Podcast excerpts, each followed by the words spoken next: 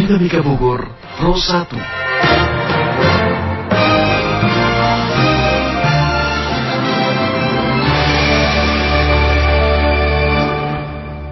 Selamat pagi dan salam jumpa di edisi hari ini. Saya Maulana Isnarto kembali menyapa Anda di seluruh wilayah yang menjadi bagian dari RRI Bogor, tepatnya di wilayah Depok, kemudian Bogor Kota, Kabupaten Bogor, Kabupaten dan Kota di Cianjur, dan Kota dan Kabupaten Sukabumi. Selamat pagi. Tadi sudah disampaikan yang akan kita bicarakan pagi ini adalah mengenai bersatu melawan Corona. Karena sekali lagi, kalau kita bisa bersatu untuk melawan Corona, maka tidak akan ada penyebaran luar biasa. Ada beberapa fakta yang akan kami sampaikan sebelum kita memulai perbincangan dengan beberapa narasumber kami yang sudah confirm pagi ini. Adalah fakta di mana Indonesia kemarin diumumkan sebagai negara dengan tingkat kematian yang cukup tinggi. Hari ini nomor dua, nomor satu sekarang. Kemudian kita akan coba untuk mengelaborasi dan melihat bagaimana fakta-fakta di Bogor. Karena memang sudah dibenarkan juga misalnya di kota Bogor. Ada seorang warga kota Bogor yang terinfeksi corona dan sudah dalam penanganan.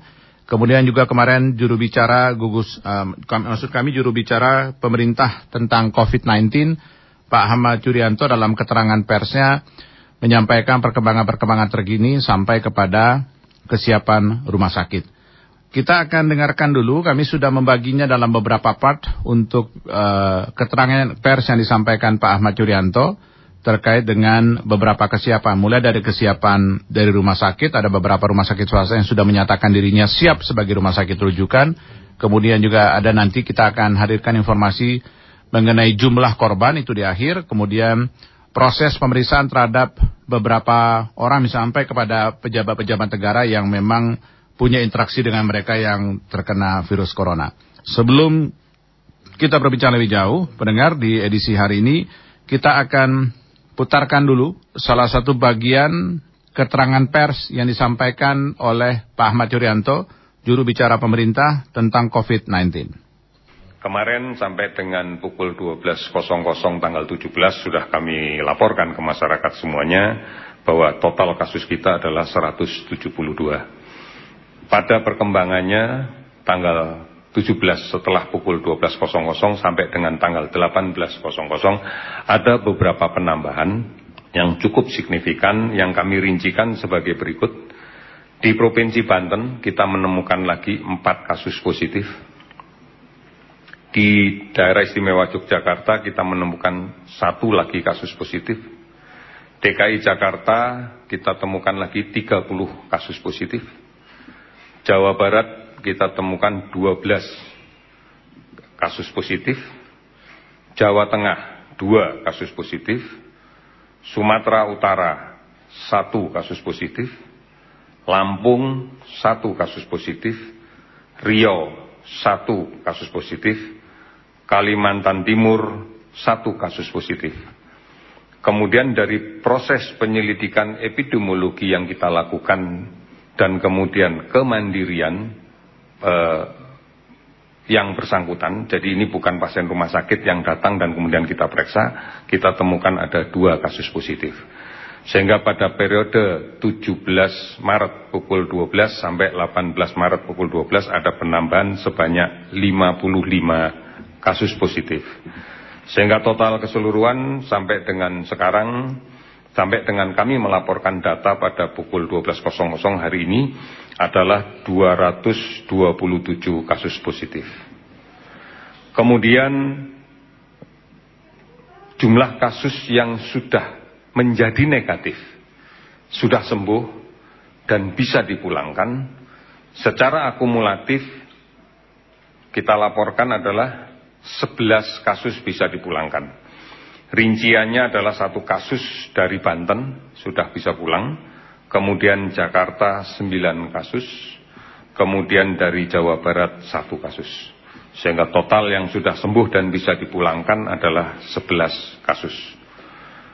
Namun juga kami laku, laporkan kasus yang meninggal. Terdapat permasalahan dalam pendataan karena ternyata setelah kami melakukan recheck tadi pagi dan kemudian kami berkoordinasi dengan seluruh rumah sakit di seluruh Indonesia yang merawat kasus ini, maka ternyata beberapa rumah sakit belum melaporkan kasus kematian sejak tanggal 12 Maret sampai dengan tanggal 17. Oleh karena itu data sekarang sudah kita upgrade, sudah kita perbaiki, maka akumulatif kasus meninggal sampai dengan tanggal 18 Maret pukul 12 sebagai berikut. Untuk Provinsi Bali ada satu yang meninggal, Provinsi Banten ada satu yang meninggal, DKI Jakarta ada 12 yang meninggal, Jawa Barat ada satu yang meninggal, Jawa Tengah ada dua kasus yang meninggal, Jawa Timur ada satu kasus yang meninggal, Sumatera Utara ada satu kasus yang meninggal. Sehingga total kasus yang meninggal keseluruhan adalah 19. Simpulan yang kami sampaikan untuk posisi saat ini, jumlah akumulatif kasus positif 227. Jumlah akumulatif penderita yang sudah sembuh dan boleh pulang 11. Jumlah penderita yang meninggal akumulatif sampai dengan tanggal 18 Maret jam 12 adalah 19. Ini data terakhir yang kita miliki dan besok akan kita upgrade lagi data ini dan data ini pun juga nanti akan bisa dilihat pada website yang sudah disiapkan oleh PNBP. Ini beberapa informasi yang kami sampaikan. Terima kasih. Ya demikian pendengar kita sudah dengarkan tadi keterangan pers dari Ahmad Yuryanto, eh, juru bicara pemerintah tentang penanganan COVID-19 atau COVID-19 atau kita kenal dengan Corona. Ada beberapa perkembangan terkini yang pasti akan terus diperbaharui oleh pemerintah kita berharap memang kita tidak melakukan kegiatan-kegiatan yang dilarang sehingga menyebabkan penyebaran dari virus COVID-19 begitu cepat. Kita nanti akan coba berbincang lebih jauh. Anda nanti bisa berinteraksi di SMS kami di 0815 kali 4200 di kesempatan kali ini. Baik, pendengar kita akan hadirkan informasinya untuk Anda. Nanti kita akan kembali di kesempatan kali ini uh, untuk nanti coba melihat kesiapan di wilayah Bogor, kota kabupaten. Nanti kita akan coba untuk konfirmasi ke wilayah-wilayah lain juga. Sa saya nanti akan berbincang dengan Wakil Direktur Pelayanan RSUD Cibinong, Dr. Fusia. Nanti kita akan kembali tetap bersama kami dan Dinamika Bogor akan break sejenak untuk Anda. Mau ke mana, Buru-buru banget? Eh, mau ke apotek, Bang. Mau beli masker disuruh bos. Nggak usah ke apotek kalau buat Asadi mah. Nih saya ada Kok harus pakai masker segala sih, Bang? Kan Asadi lagi pilek sama batuk kan? Iya. Nah, kalau sedang pilek atau batuk, wajib pakai masker. Kalau lagi fit kayak saya, nggak wajib pakai masker. Nah, perhatikan cara makainya, jangan salah, A. Tutup mulut, hidung, dan dagu. Bagian luar masker harus yang berwarna, A. Terus, tekan bagian atas masker, ikut bentuk hidung. Kalau sudah kotor atau basah, harus diganti, A. Siap, Bang. Ya sudahlah, saya lapor bos dulu. Eh, eh, eh, eh, eh. pakai dulu maskernya, A. iya, lupa saya. Untuk informasi hubungi hotline virus corona 021 521 0411 dan 0812 12 12 3119. Apa itu virus corona? Virus corona atau yang sering disebut virus COVID-19 adalah virus yang bisa menginfeksi sistem pernafasan seperti flu. Namun, virus ini juga bisa menyebabkan infeksi pernafasan berat seperti radang paru-paru. Bagaimana cara pencegahannya?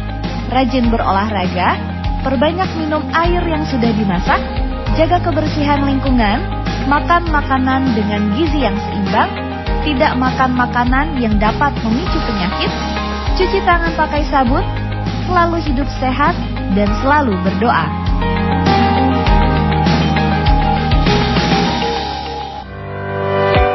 Jaga diri dan keluarga Anda dari virus corona atau COVID-19 dengan cara makan makanan bergizi seimbang, jaga kebersihan lingkungan, rajin olahraga dan istirahat cukup, tidak merokok, cuci tangan pakai sabun dan air mengalir, gunakan masker bila batuk, atau tutup mulut dengan lengan atas bagian dalam. Minum air putih 8 gelas per hari. Makan makanan yang dimasak dengan sempurna. Bila demam dan sesak nafas, segera ke fasilitas kesehatan. Dan jangan lupa berdoa.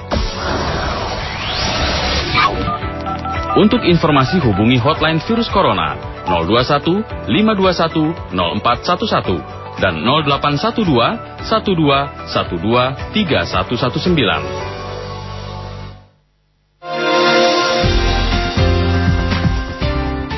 Anda masih bersama kami dalam Dinamika Bogor Pro 1.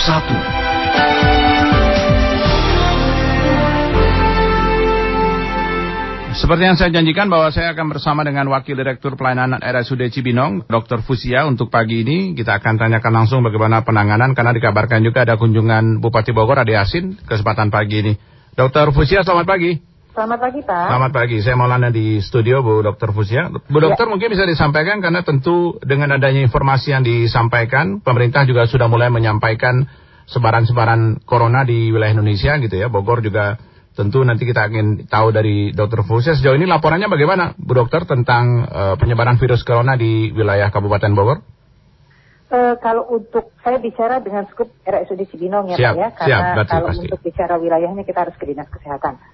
Baik, uh, kalau untuk di uh, RSUD Cibinong sampai saat ini kami memang baru merawat uh, pasien suspek PDP dan ODP, tetapi memang belum ada konfirm yang positif hingga pagi ini. Jadi uh, ada beberapa pasien yang kita rujuk ke Rumah Sakit Persahabatan dan Rumah Sakit Fatmawati.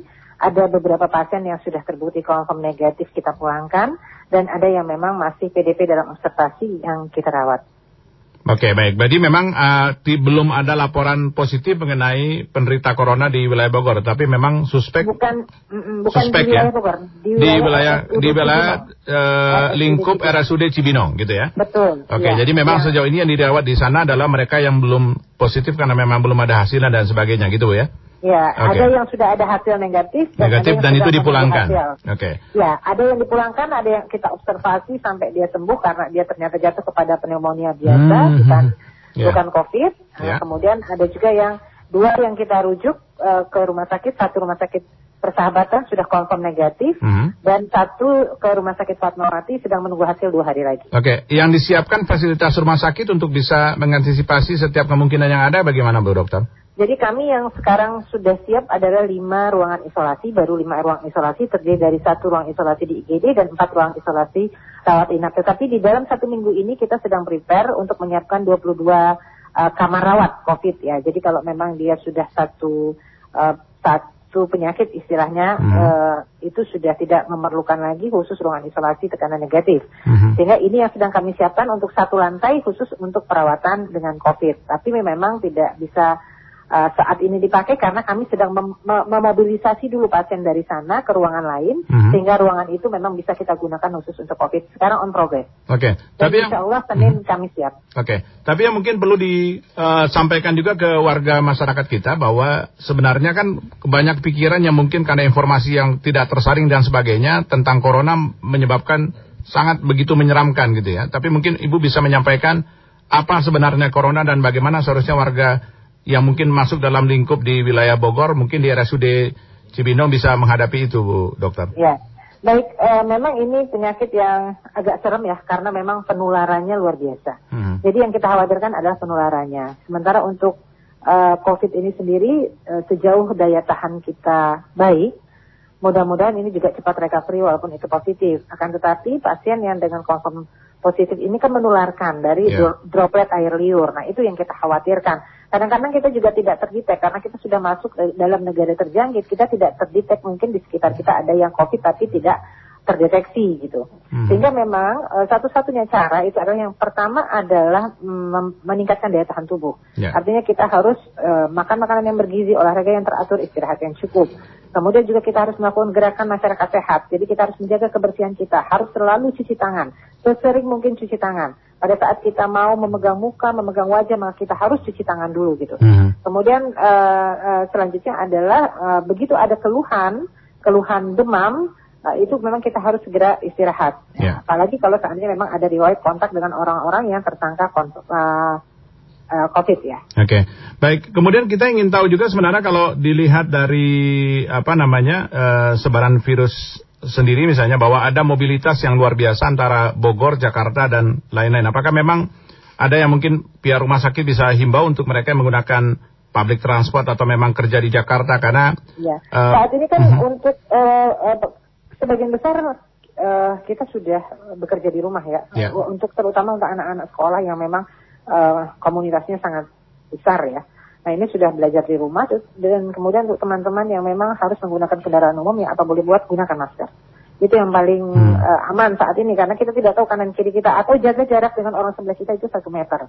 Hanya kalau di kendaraan umum yang desak-desakan itu agak sulit ya. Jadi Ya, memang betul. ya mau tidak mau kita memang uh, menggunakan masker untuk di uh, fasilitas yang Oke. memang desak-desakan gitu. Ini, ini mungkin juga ingin kita tanya soal kesiapan tenaga medis kita, Bu Dokter, karena memang kita juga harus apresiasi tenaga medis Ya. yang luar biasa Sampai menurut saat saya ini gitu. kami kami belum menambah khusus tenaga medis untuk rumah sakit Cibinong ya. Saya Ya, tidak bicara betul, untuk betul. Kabupaten Bogor. Saya Ya. bicara tentang rumah sakit Cibinong sampai saat ini kami belum menambah jumlah SDM secara khusus. Mhm. Kami menggunakan SDM yang ada termasuk spesialis paru. Akhir kami mempunyai dua orang spesialis paru Mhm. di sini. Jadi sampai saat ini kami belum menambah SDM.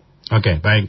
Ya, Terima kasih oke. banyak Bu Dokter Ya, sudah mangga, bersama kami. Terima kasih mangga, banyak ya. Mari, mari, Selamat pagi. Mari, mari, selamat pagi. Demikian Wakil Direktur Pelayanan RSUD Cibinong, Dr. Fusia, sudah bersama kita di kesempatan pagi ini. Tadi kita sudah menyampaikan bahwa memang ada beberapa yang suspek, tapi memang dalam masa observasi, kemudian dirujuk ke Rumah Sakit Persahabatan dan Rumah Sakit Fatmawati dan dinyatakan negatif. Eh, dipulangkan, ada yang memang tetap dirawat di observasi karena mengalami pneumonia. Tadi disampaikan informasinya oleh Ibu Dr. Fusia, Wakil Direktur Pelayanan Rumah Sakit Umum Daerah Cibinong. Baik, kita akan menuju ke reporter Yofri Haryadi. Pagi ini dikabarkan Bupati kemudian bersama dengan stakeholder seperti Dinas Kesehatan dan Dinas Pendidikan sedang mengadakan penyemprotan desinfektan dan pembagian hand sanitizer di SMP 2 Cibinong. Kita akan ikuti laporan selengkapnya bersama reporter kami Yofri Haryadi langsung dari lokasi. Bung Yofri.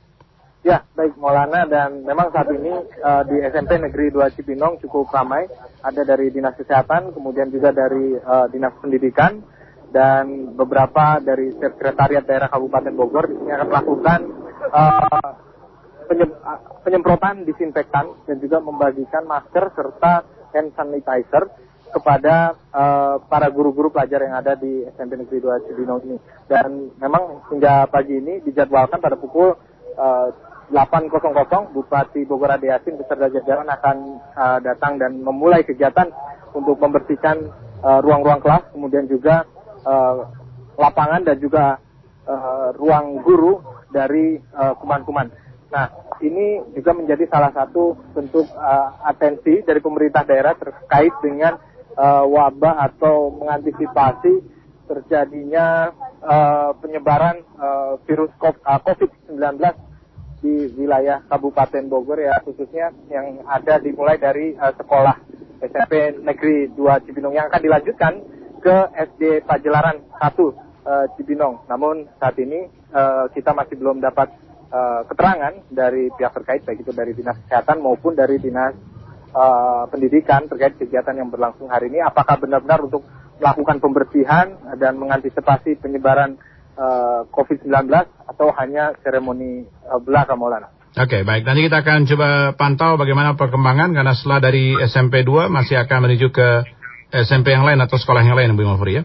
Ya, memang eh, informasi yang kami dapat ini hanya dari SMP Negeri 2 eh, Cibinong saja. Mhm. Eh, belum diketahui apakah akan dilanjutkan dengan SMP SMP ataupun SD lainnya di Kabupaten Bogor. Namun eh, dengan pelaksanaan kegiatan yang berlangsung hari ini tentunya juga akan memberikan contoh menjadi eh, model bagi SMP-SMP lainnya yang ada di wilayah di 40 kecamatan di Kabupaten Bogor untuk Baik. melaksanakan eh, kegiatan serupa yaitu membersihkan lingkungan, kemudian hand sanitizer dan eh, membuat eh, protokol COVID di Hmm. sekolahnya dengan ah, dengan apa namanya alat yang untuk pengukur suhu tubuh dan juga Hmm. membersihkan tangan setiap menyentuh sesuatu. Siap. Begitu, Maulana. Baik, Yofri terima kasih atas informasi yang Anda sampaikan pagi ini. Demikian Yofri Haryadi menyampaikan langsung dari SMP Negeri 2 Kabupaten Bogor di Cibinong.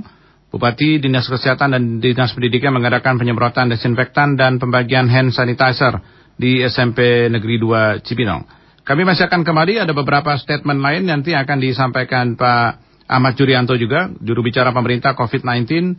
Kami akan break dulu, setelah itu nanti kami akan kembali dengan informasinya. Kita akan coba menghubungi Bupati Bogor Ade Yasin untuk menanyakan bagaimana kesiapan wilayahnya menghadapi eh, soal corona ini. Nanti kita akan kembali untuk Anda, tetap bersama kami.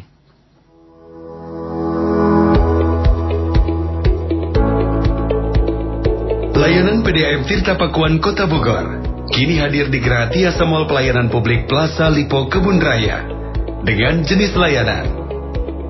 Informasi pelanggan. Penanganan gangguan atau pengaduan.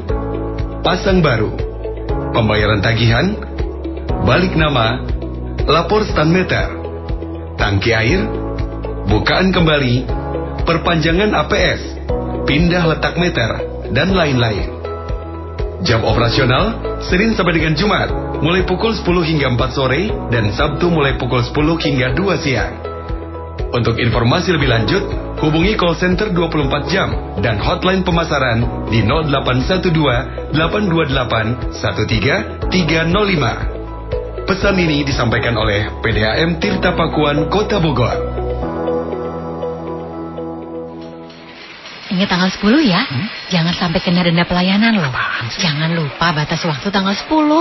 Ingat ya, tanggal. Apaan sih dari tadi tanggal 10 terus? Itu batas waktu bayar iuran JKN KIS. Tanggal 10 setiap bulannya. Waduh, sekarang tanggal berapa ya? Kayaknya belum bayar iuran JKN KIS nih. Tuh kan, udah diingetin aja masih lupa. Supaya nggak lupa, manfaatin kemudahan pembayaran iuran JKN KIS melalui program auto debit. Program auto debit? Iya, program auto debit dapat dilakukan melalui berbagai alternatif cara, yaitu melalui aplikasi mobile JKN, Bank Mandiri, BNI, BRI, BCA, Tokopedia, huh? atau ketik bintang 141 bintang 999 pagar. Wah, kalau gitu aku daftar auto debit iuran JKN KIS dulu ya. Ayo bayar iuran JKN KIS sebelum tanggal 10 setiap bulannya. Supaya tetap aktif dan tidak kena denda pelayanan kalau dirawat. JKN KIS, bayar, aktif, selamat. Dengan gotong royong, semua tertolong.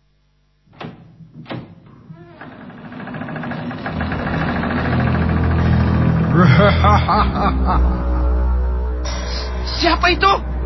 Aku Corona.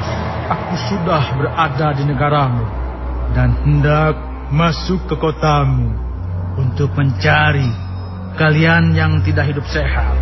Aku akan memusnahkan kalian semua. Corona, ngapain kamu masuk dan datang ke kotaku? Pergi kamu! Pergi kamu corona dari negaraku. Pergi kamu. Tolong. Tolong. Aduh, masih aja didramatisir. Panik boleh, tapi jangan berlebihan dong. Banyak masyarakat yang bisa disembuhkan, hanya tidak diekspos karena banyak masyarakat yang panik. Padahal dengan cara menjaga kesehatan, virus corona bisa kita cegah dan kita lawan. Asal rajin cuci tangan, menjaga pola hidup yang sehat, supaya imun kita tetap baik. Yuk sebarkan juga informasi yang positif ini kepada masyarakat lainnya.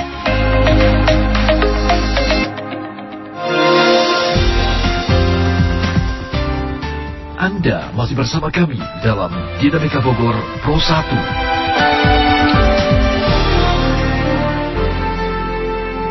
Anda masih bersama kami di kesempatan kali ini dalam Dinamika Bogor. Selamat pagi bagi Anda baru saja bergabung. Untuk Anda di kesempatan hari ini, saya Maulana Isnarto.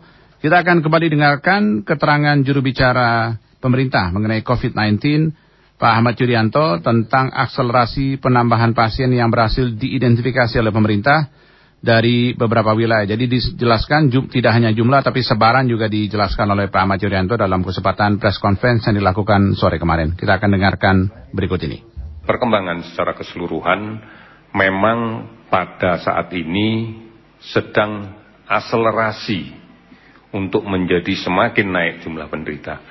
Ini kita maklumi dan ini juga menjadi gambaran yang lazim di beberapa e, negara lain terkait dengan fase-fase awal dari kasus munculnya kasus positif COVID ini. Kita akan akan mendapatkan gambaran yang semakin naik dan pada saatnya nanti kita prediksikan mudah-mudahan tidak terjadi terlalu panjang. Kita berharap pada eh, setelah dilaksanakan kegiatan bersama dengan masyarakat, diharapkan pada bulan April kita sudah mulai bisa melihat eh, hasilnya dan kita berharap bahwa ini akan sudah mulai terkendali. Tetapi saat sekarang memang betul sedang naik karena dua hal. Yang pertama bahwa kontak tracing kita lakukan secara intens sehingga kita semakin banyak menemukan kasus ini. Yang kedua adalah kesadaran dari seluruh masyarakat bahwa mereka sekarang semakin peduli. mereka semakin peduli dan semakin eh, mau untuk diperiksa, mendekatkan diri pada fasilitas. Oleh karena ini sebuah tantangan besar bagi kita bersama. Pada saat keinginan tahu masyarakat semakin meningkat, tentunya sarana, fasilitas untuk agar mereka bisa tahu dengan melalui laboratorium juga harus kita tingkatkan. Kalau tidak demikian maka akan terjadi gap dan ini akan menimbulkan permasalahan. Ini yang akan kita lakukan di dalam eh, minggu-minggu ke depan. Kemudian saya lanjutkan lagi beberapa waktu yang lalu kita sudah melakukan pemeriksaan eh, COVID-19 pada berbagai pada beberapa pejabat tinggi negara bahkan juga perangkatnya. Sekali lagi pemeriksaan ini adalah sifatnya general check up. Oleh karena itu bukan hak kami untuk merilis karena hasil general check up adalah hak dari masing-masing personil yang kita periksa. Oleh karena itu hasilnya sudah kami berikan kepada masing-masing yang bersangkutan dan beliau juga sudah tahu apa yang harus dilakukan menyikapi dari hasil yang diberikan. Kami tidak akan pernah mengungkap tentang hasil ini karena ini sifatnya adalah uh, general check up. Kecuali kalau pasien, penderita, memang kita akan hitung itu. Oleh karena itu ini harap dipahami, ini bukan masalah eh, apa-apa, tetapi memang prosedurnya seperti itu. Ini adalah satu general check up yang harus kita laksanakan bersama-sama. Anda masih bersama kami dalam Dinamika Bogor Pro 1. Anda masih bersama kami di edisi hari ini dan kita akan segera bersama dengan Pak Rudi Susmanto, Ketua DPRD Kabupaten Bogor di pagi ini untuk menanyakan bagaimana komitmen dari wakil rakyat juga untuk bisa proaktif memeriksakan diri mereka ke uh, rumah sakit. Tidak hanya itu karena mereka pembuat kebijakan juga tentu kita akan tanya mengenai kebijakan-kebijakan soal antisipasi corona. Untuk itu saya sudah bersama Ketua DPRD Kabupaten Bogor Pak Rudi Susmanto. Pak Rudi, selamat pagi. Selamat pagi Pak. Selamat pagi. Terima kasih sudah bersama kami Pak Rudi di pagi ini. Pak Rudi, um, tentu legislatif di DPRD tentu juga akan ditanya warganya mengenai uh, bagaimana antisipasi mengenai corona. Karena memang virus ini begitu luar biasa tingkat sebarannya. Kemudian kalau ditanya prevalensinya memang sekarang rasionya Indonesia nomor satu dari jumlah orang terpapar dengan orang meninggal kita nomor satu sebelumnya Italia. Kita ingin ingin tahu juga sebenarnya bagaimana tanggapan dari legislatif di Kabupaten Bogor tentang kondisi ini, Pak Rudi. Iya, terima kasih. Nah, jadi memang uh, isu corona ini nggak bisa kita anggap remeh, nggak bisa kita anggap sederhana. Tapi masyarakat juga jangan terlalu khawatir. Yakinlah, kita tuh punya Tuhan. Jadi kita juga kemarin sudah merekomendasikan kepada pemerintah daerah untuk segera ambil langkah-langkah yang konkret dan beberapa institusi terkait harus turun ke lapangan khususnya di kesehatan mm-hmm. minimal di fasilitas-fasilitas umum kita sesuai SOP siapkan uh, beberapa uh, pencegahan-pencegahan seperti hand sanitizer, mm-hmm. terus kita semprot semua disinfektan dan kita pun memberikan contoh dulu yang pertama adalah ke anggota DPRD. Yeah. Anggota DPRD itu walaupun tidak ada kunjungan ke luar negeri, tentu mereka setiap hari menerima kunjungan di berbagai daerah. Mm-hmm. Nah kemarin di hari Rabu kita sudah lakukan penyemprotan disinfektan di seluruh kantor DPRD Kabupaten Bogor dan hari ini jam 10 pagi itu ada tes untuk seluruh anggota DPRD, sekretariat DPRD untuk melakukan tes corona. Karena kita juga mengacu ke Pemprov Jabar. Mm -hmm. Kemarin Pak Gubernur Ridwan Kamil melakukan tes kurang lebih 200 orang Pak Ridwan Kamil dan uh, beserta jajarannya. Yeah. Ternyata ada dua orang terinfeksi padahal kondisinya hmm. sehat. Nah, ini hmm. juga masyarakat jangan khawatir kalau yeah. memang merasa ada gejala-gejala, lebih baik segera datang ke rumah sakit yang sudah dirujuk oleh pemerintah Kabupaten Bogor. Dan khususnya masyarakat Kabupaten Bogor, mayoritas Muslim, kunci cuma satu Pak, bukan hanya sekedar cuci tangan, selalu jaga kesucian, jaga wudhu. Nah, insya Allah dari wudhu itu kan kita selalu menjaga kebersihan. Ya, oke. Okay. Artinya bahwa memang uh, proaktifnya sudah dilakukan Pak Rudi, bahwa anggota DPRD memang langsung datang ke rumah sakit umum daerah atau rumah sakit mana pun untuk memeriksa bagaimana kondisinya, karena tadi disampaikan dari 200 pejabat di wilayah Jawa Barat, misalnya di Pemprov, ya. rupanya Pemprov. dalam kondisi yang sehat, ada dua orang yang sudah mulai terpapar, ada corona yang mulai melakukan inkubasi di tubuhnya, kan gitu? Betul, betul. Nah, jadi kalau DPRD kebetulan kita bersurat dari hari Senin, Mhm. kita minta dari pihak rumah sakit yang datang ke kantor DPRD.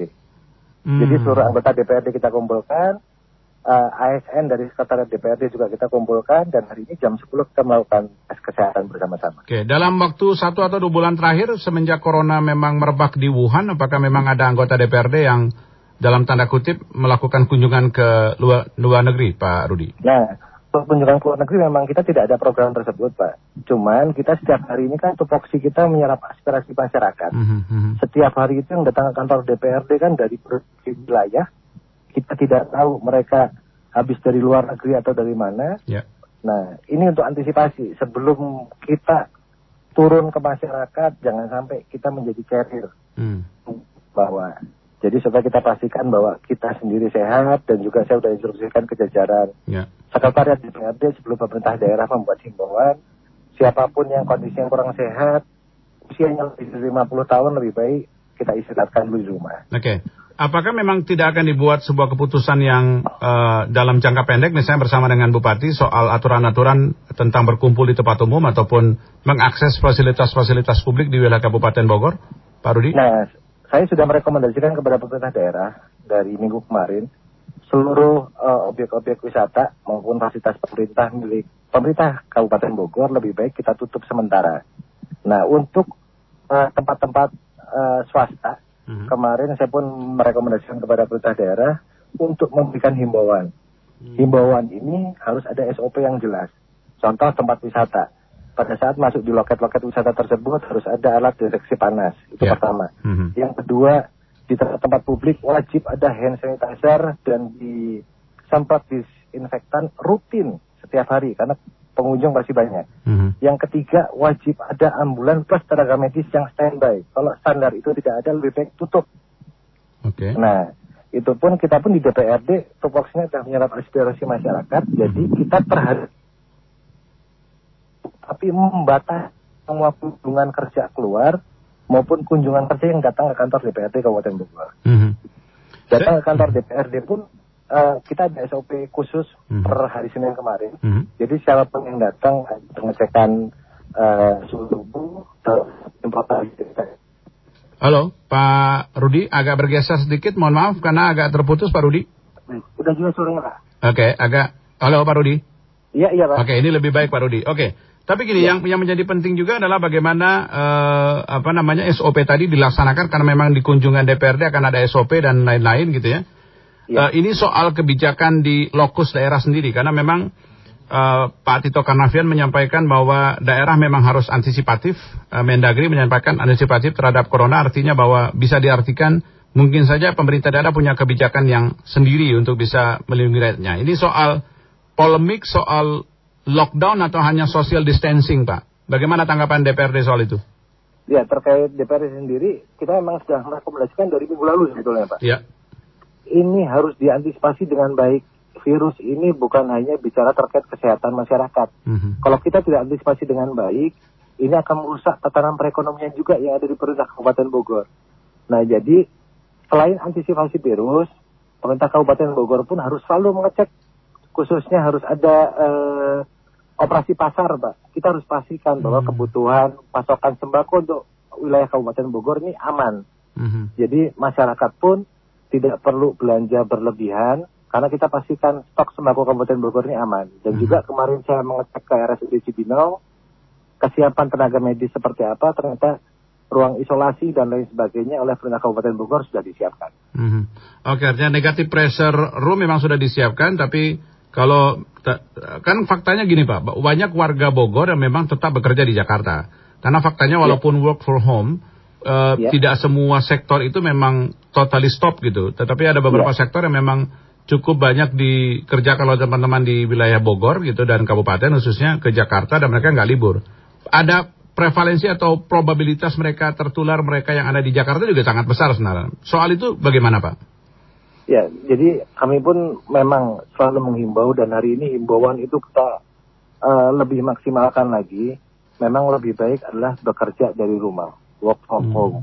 Nah, memang ada beberapa perusahaan swasta yang sampai hari ini di wilayah Jabodetabek belum semuanya menutup total. Khususnya tenaga-tenaga operasional shift Pak ya, seperti security kan gitu ya. Iya. Dan Dan pemerintah Kabupaten Bogor pun tadi malam Ibu Bupati sudah memutuskan untuk ASN kecuali eselon 2 dan eselon 3 semuanya bekerja dari rumah. Oh gitu ya. Iya, baru tadi malam diputuskan. Mhm. Artinya pelayanan publik akan berhenti sejenak atau bagaimana Pak? Pak Kalau pelayanan publik tetap kita laksanakan, Mbak. Mhm. Hanya saja tadi tetap di pelayanan publik dalam jumlah besar memang Oke. perlu diadaptasi, khususnya di DPR sendiri adalah rapat-rapat yang harus kita laksanakan di bulan ini. Kita sudah Oke. Itu penting sekali untuk kita sama-sama mengerti bahwa kondisinya memang seperti ini, nggak ada yang mau, tapi ini satu-satunya cara untuk membuat corona tidak menyebar sangat cepat karena eh, apa namanya rasio antara jumlah terpapar dengan jumlah yang meninggal di Indonesia itu sudah menempatkan Indonesia di posisi pertama Ya. di dunia tingkat kematian dibandingkan dengan mereka yang terpapar, kan gitu ya Pak ya? Betul, Baik. betul. Dan juga yang lebih penting satu sekarang, Pak. Siap. Dalam Gimana? Pak? waktu 14 hari ke depan, eh, siswa di untuk belajar di rumahnya masing-masing, ini butuh peran aktif orang tua. Hmm. Ajak anaknya tetap di rumah, belajar di rumah, jangan diajak jalan-jalan. Mhm. Kita perangi corona bersama-sama. Mhm. Soliter adalah menunjukkan solidaritas. Betul, betul, Ya. betul. Baik, terima kasih banyak Pak Terima kasih, Ketua Pak. sudah bersama kami Ya. di kesempatan pagi ini Terima Pak, kasih. Pak Ketua. Selamat Terima pagi Pak. kasih. Selamat pagi, Pak. Demikian Pak Ketua DPRD Kabupaten Bogor, Pak Udi Susmanto di kesempatan kali ini. Memang ada beberapa kebijakan yang sudah direkomendasikan DPRD kepada pemerintah daerah untuk dilaksanakan. Tetap bersama kami di kesempatan pagi ini dalam Dinamika Bogor.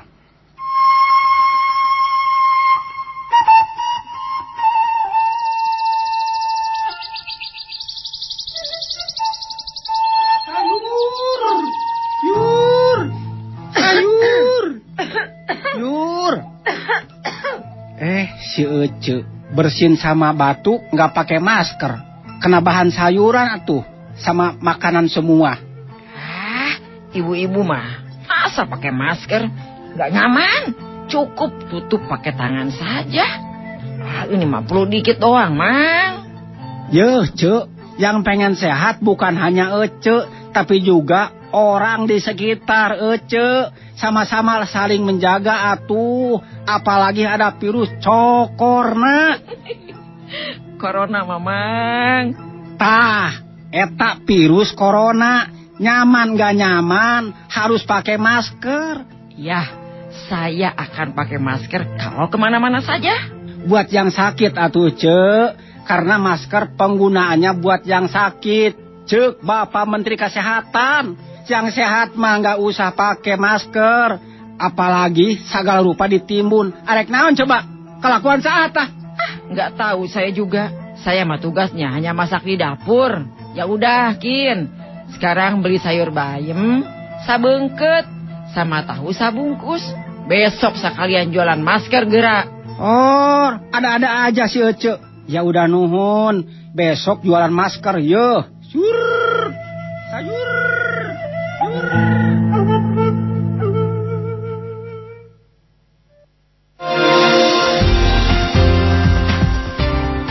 Anda masih bersama kami dalam Dinamika Bogor Pro 1.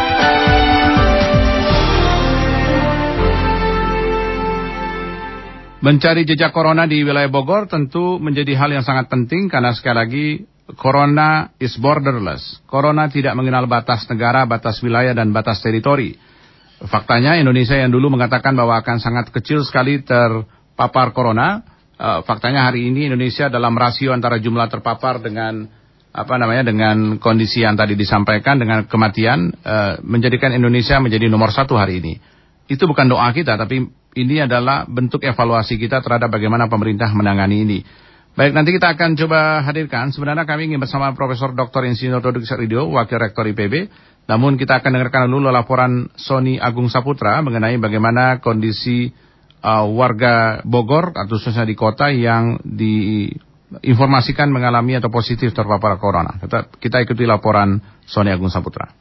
Kami berkoordinasi dengan Dinas Kesehatan DKI Jakarta untuk tracing. Hmm. Kontak tracing itu penelusuran. Ketika ada Kasus positif COVID-19 atau Corona di Kota Bogor terdeteksi setelah seorang mahasiswi IPB yang bertempat tinggal di kawasan Sempur Bogor tengah dinyatakan positif terpapar virus tersebut. Demikian pernyataan PLT Kadinkes Kota Bogor Sri Retno saat berdialog di RRI Bogor pagi tadi. Dinkes Kota Bogor menelusuri jejak masyarakat yang berinteraksi dengan orang positif corona karena dari hasil deteksi awal mahasiswi IPB itu, mahasiswi itu yang berKTP DKI tersebut, mahasiswi yang berKTP DKI tersebut terpapar dari sang bapak yang baru bepergian dari luar negeri. Menurut Sri Retno, pihaknya kini terus melakukan koordinasi dengan laboratorium untuk pemeriksaan sampel masyarakat yang tengah menjalani proses pemantauan atau pengawasan guna memastikan kondisinya positif atau negatif. Untuk Kota Bogor kita mengirim biasanya ke Litbangkes Jakarta itu hasil sekitar tiga hari. Kalau untuk ke provinsi kebetulan sudah di launching untuk lab kesda provinsi itu dijanjikan memang sekitar 6-7 jam selesai. Hari ini kita akan tanyakan ke provinsi apakah pemeriksaan sampel spesimen swab yang kita kirim kemarin itu sudah ada hasilnya atau belum. Sementara itu, Pemkot Bogor sudah menyediakan dana tak terduga untuk penanganan corona atau COVID-19. Wali Kota Bogor Bima Arya menjelaskan, sudah tersedia dana sebesar 1 hingga 2 miliar rupiah untuk penanganan kasus corona. Dana tersebut akan digunakan untuk menyediakan ruang isolasi dan pembelian alat perlengkapan diri bagi yang membutuhkan. Ya untuk anggaran sedang dibicarakan, tapi paling tidak sekitar 1 sampai 2 miliar itu memungkinkan. Kita masih hitung-hitung ya. Budgetnya antara 1 sampai 2 tapi tentunya dengan persetujuan DPRD. Ini masih dikomunikasikan. Ya, kita akan alokasikan itu ketika ada kebutuhan untuk ruang isolasi misalnya, kemudian alat pelindung diri dan lain-lain. Nah, itu tentang anggaran itu ya. Pemkot Bogor menghimbau masyarakat tetap tenang dan tidak panik dalam menghadapi merebaknya kasus corona karena penanganan terus berlangsung untuk menangkal pengaruh buruk penyakit itu bagi kehidupan. Demikian laporan Sony Agung Saputra soal uh, corona yang berada di wilayah Kota Bogor. Memang teridentifikasi ada seorang mahasiswa PB yang berada di Sempur uh, terinfeksi virus corona. Walaupun memang disampaikan Pak Bima Arya bahwa dia berKTP Jakarta, tapi dia tinggal di Bogor, itu masalahnya.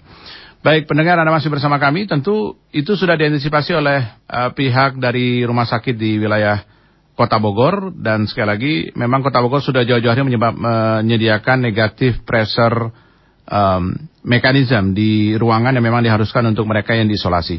Baik, kita akan dengarkan kembali. Ini adalah potongan dari press conference yang disampaikan oleh Pak Ahmad Yuryanto, juru bicara pemerintah mengenai COVID-19. Ini soal kesiapan rumah sakit swasta dan juga mengenai proses penyembuhan perawat atau tenaga kesehatan yang sebelumnya sempat terpapar corona. Kita akan ikuti berikut ini.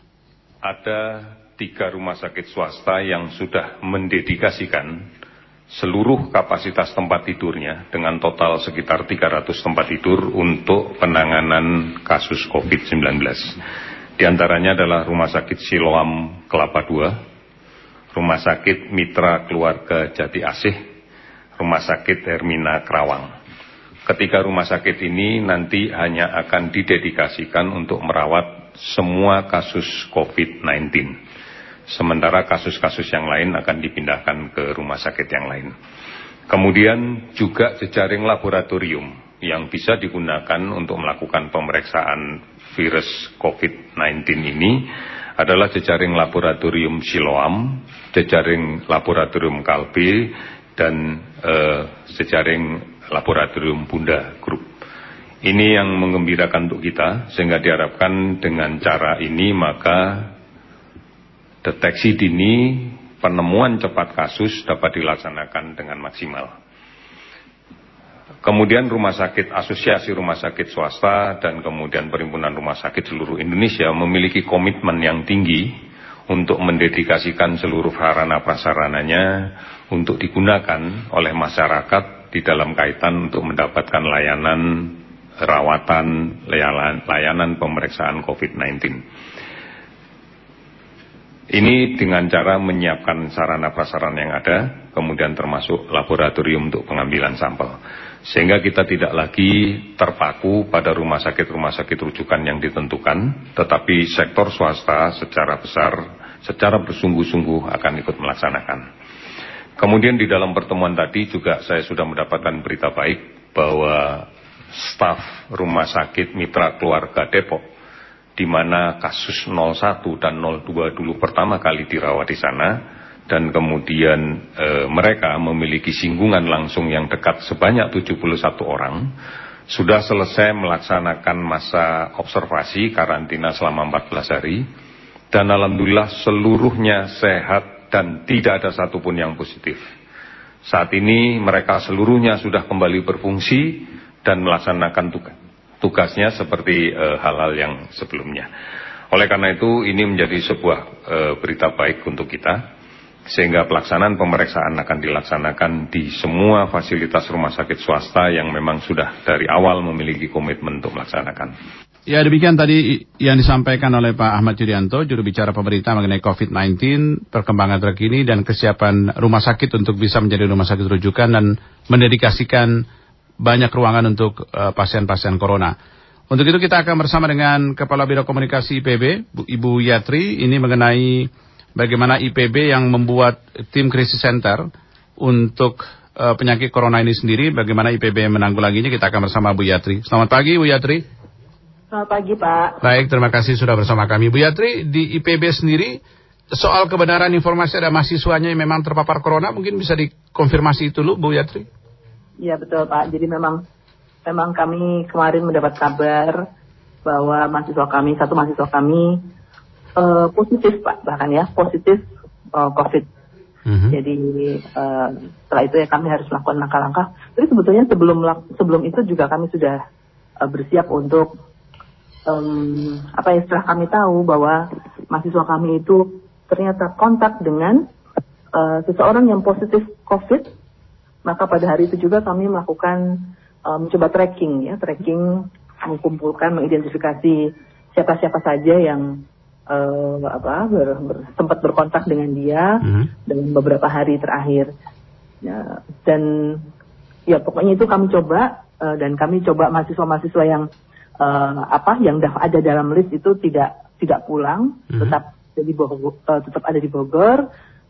Walaupun ada juga yang pulang, ternyata sudah cepat kembali pulang ke rumahnya, kami minta mereka untuk melakukan karantina mandiri. Oke. Okay. Jadi untuk untuk kepentingan dia sendiri maupun masyarakat. Udah ada hasilnya misalnya Bu, uh, mereka yang punya uh, interaksi dengan salah seorang mahasiswa tadi yang positif corona, ada hasilnya?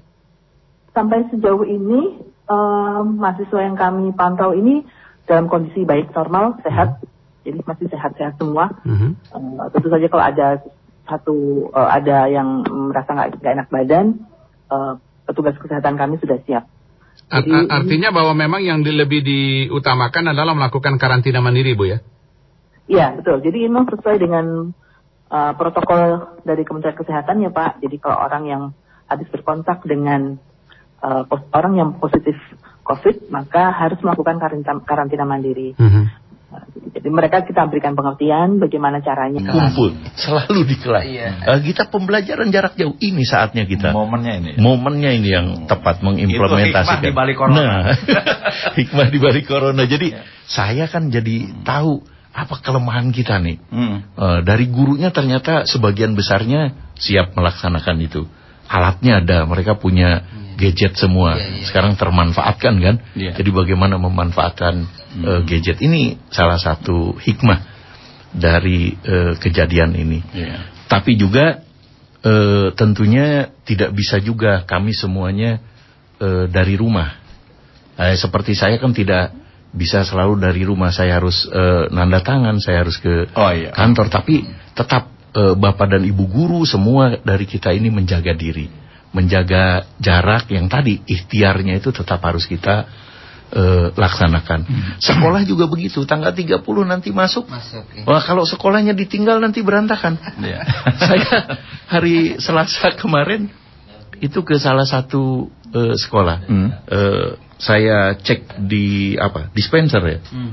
Dispenser gitu. Wah. Kan beberapa hari tidak. Ya, ya, ya. Ini jentik saya buka, ada. wah ada jentik. Ah, itu dia.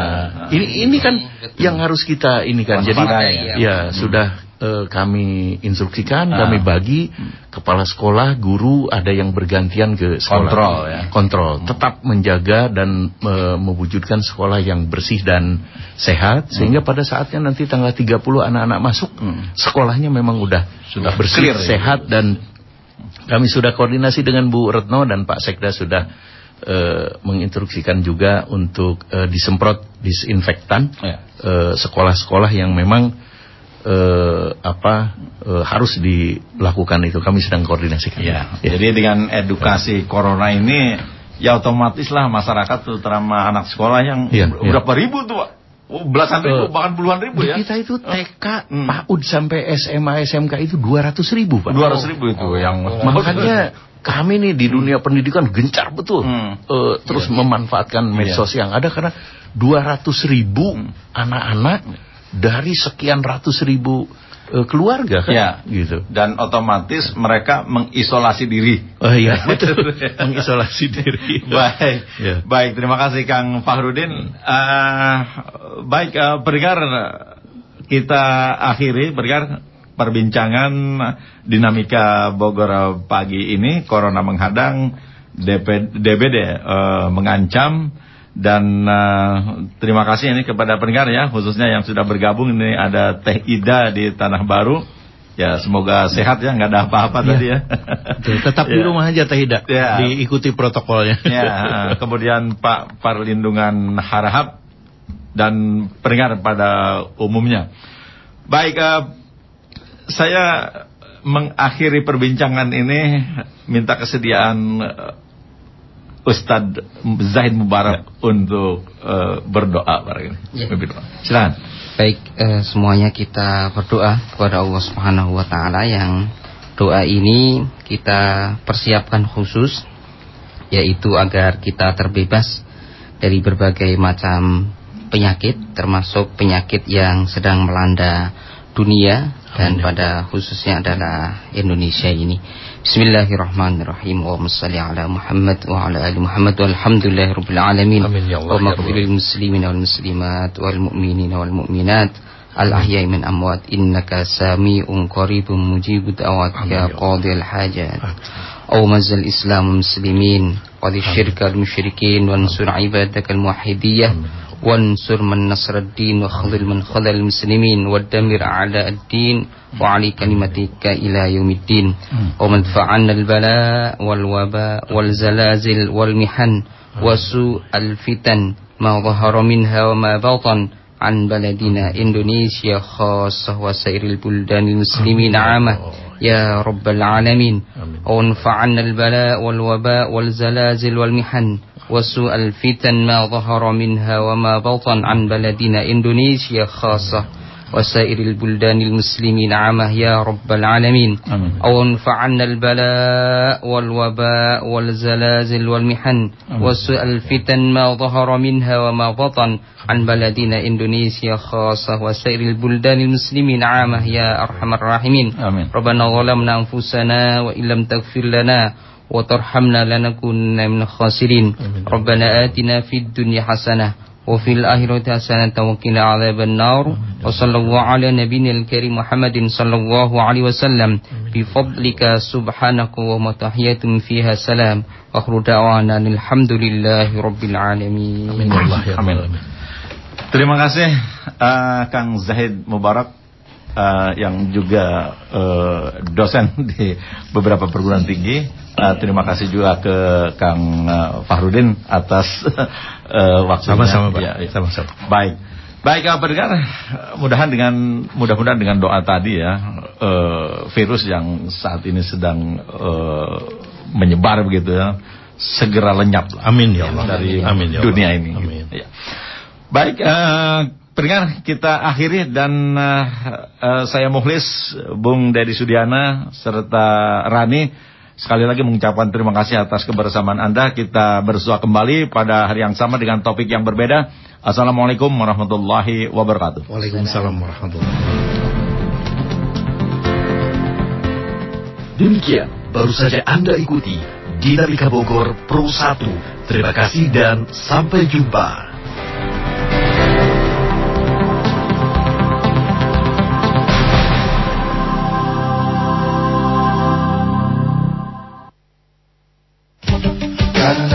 inspiratif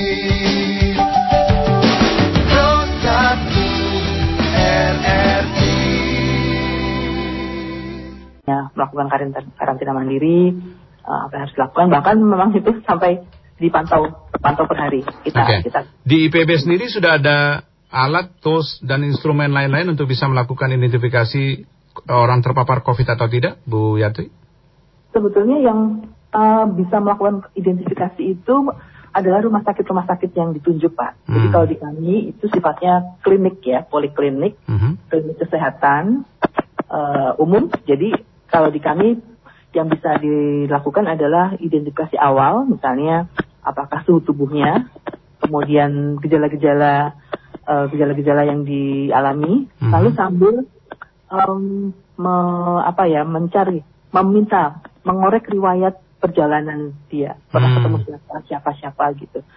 Jadi kalau di kami tidak bisa, kami paling hanya bisa uh, mengidentifikasi kalau suhu tubuhnya sudah mulai sampai 38, lalu batuk-batuk, sakit tenggorokan, pasti nanti akan di- dilaporkan ke Dinkes karena sudah ada gejala-gejala dan akan dirujuk ke rumah sakit eh, apa rumah sakit yang terdekat. Mhm. Kalau misalnya di dari IPB eh, ya rumah sakit RSUD Cibinong misalnya gitu Iya. yang akan kami rujuk ke sana. Kami Oke. minta untuk Apakah ada ada pesan khusus atau imbauan atau instruksi khusus dari Pak Rektor terkait dengan kondisi ini, Bu Yatri? Ya tentu saja sebetulnya Pak Rektor sudah mulai menghimbau itu sejak tanggal 29 Januari eh, Februari Pak. Jadi ketika mulai merebak kasus eh, COVID, sebelum ada kejadian ini itu sudah eh, kita sudah melakukan antisipasi misalnya agar kita semua eh, memahami protokol-protokol yang sudah disiapkan oleh pemerintah WHO gitu ya. Kemudian menangguhkan perjalanan ke luar negeri, dan juga menunda kedatangan atau penerimaan tamu-tamu asing. Itu sudah langsung kami lakukan per 29 Februari. Kemudian pada tanggal 2 Maret juga Pak Rektor membuat surat resmi kepada seluruh pimpinan mengenai hal tersebut. Eh, meng- sambil mengikuti terus, kami diminta untuk mengikuti terus perkembangan eh, penyebaran COVID eh, dari media. Nah, tanggal 14 itu Pak Rektor membuat juga kebijakan baru mengenai pembelajaran dan ujian-ujian dan pembelajaran online. Hmm. Itu sebetulnya pada saat itu kami sedang menjalankan UTS, Pak. Oh iya Satu betul minggu, betul. Ya, satu minggu UTS. Kemudian ini kelihatannya kasusnya merebak, penyebarannya makin tinggi. Lalu Pak Rektor segera em, meminta kita semua untuk eh, ya kumpul kemudian membuat kebijakan, kebijakan ini. Ya. Ujian tengah semester paruh kedua ditunda satu minggu. Mahasiswa eh, diperbolehkan pulang kalau mau pulang, kalau nggak mau pulang nggak apa-apa. Tetapi eh, ujian dan pembelajaran sampai puas itu dilakukan secara online. Hmm. Jadi eh, mahasiswa kami yang eh, yang bisa pulang mungkin sambil mengukur ya konsultasi dengan keluarga dan dan sebagainya. Kalau yang di, diperbolehkan pulang oleh orang tuanya pulang, yang menurut orang tuanya mungkin lebih baik di sini di sini gitu. Jadi ini semua opsional, mana yang lebih nyaman. Yang jelas sampai uas ini semuanya kami lakukan secara online, Oke. eh, baik ujian maupun pembelajarannya. Baik Bu Yatri, terima kasih banyak sudah bersama kami. Mudah-mudahan eh, semua kita bisa menuruti himbauan gitu ya, khususnya social distancing kalau memang mereka merasa berinteraksi dengan mahasiswa IPB yang positif corona untuk karantina mandiri dan Iya. juga proses pembelajaran online juga bisa terus dijalankan. Jadi memang eh, salah satu cara yang bisa kita lakukan adalah membatasi interaksi kita antar manusia itu Bu ya. Iya betul Pak. Baik. Mudah-mudahan semuanya sehat. Amin amin Bu Yatri. Terima kasih banyak Bu Yatri sudah bersama kami di kesempatan pagi ini. Selamat pagi Bu. Terima kasih kembali. Selamat pagi Pak. Demikian Kepala Biro Komunikasi PB Ibu Yatri Indra Kusumastuti yang sudah bersama kita dan kita akhiri perbincangan kita di edisi hari ini dalam Dinamika Bogor.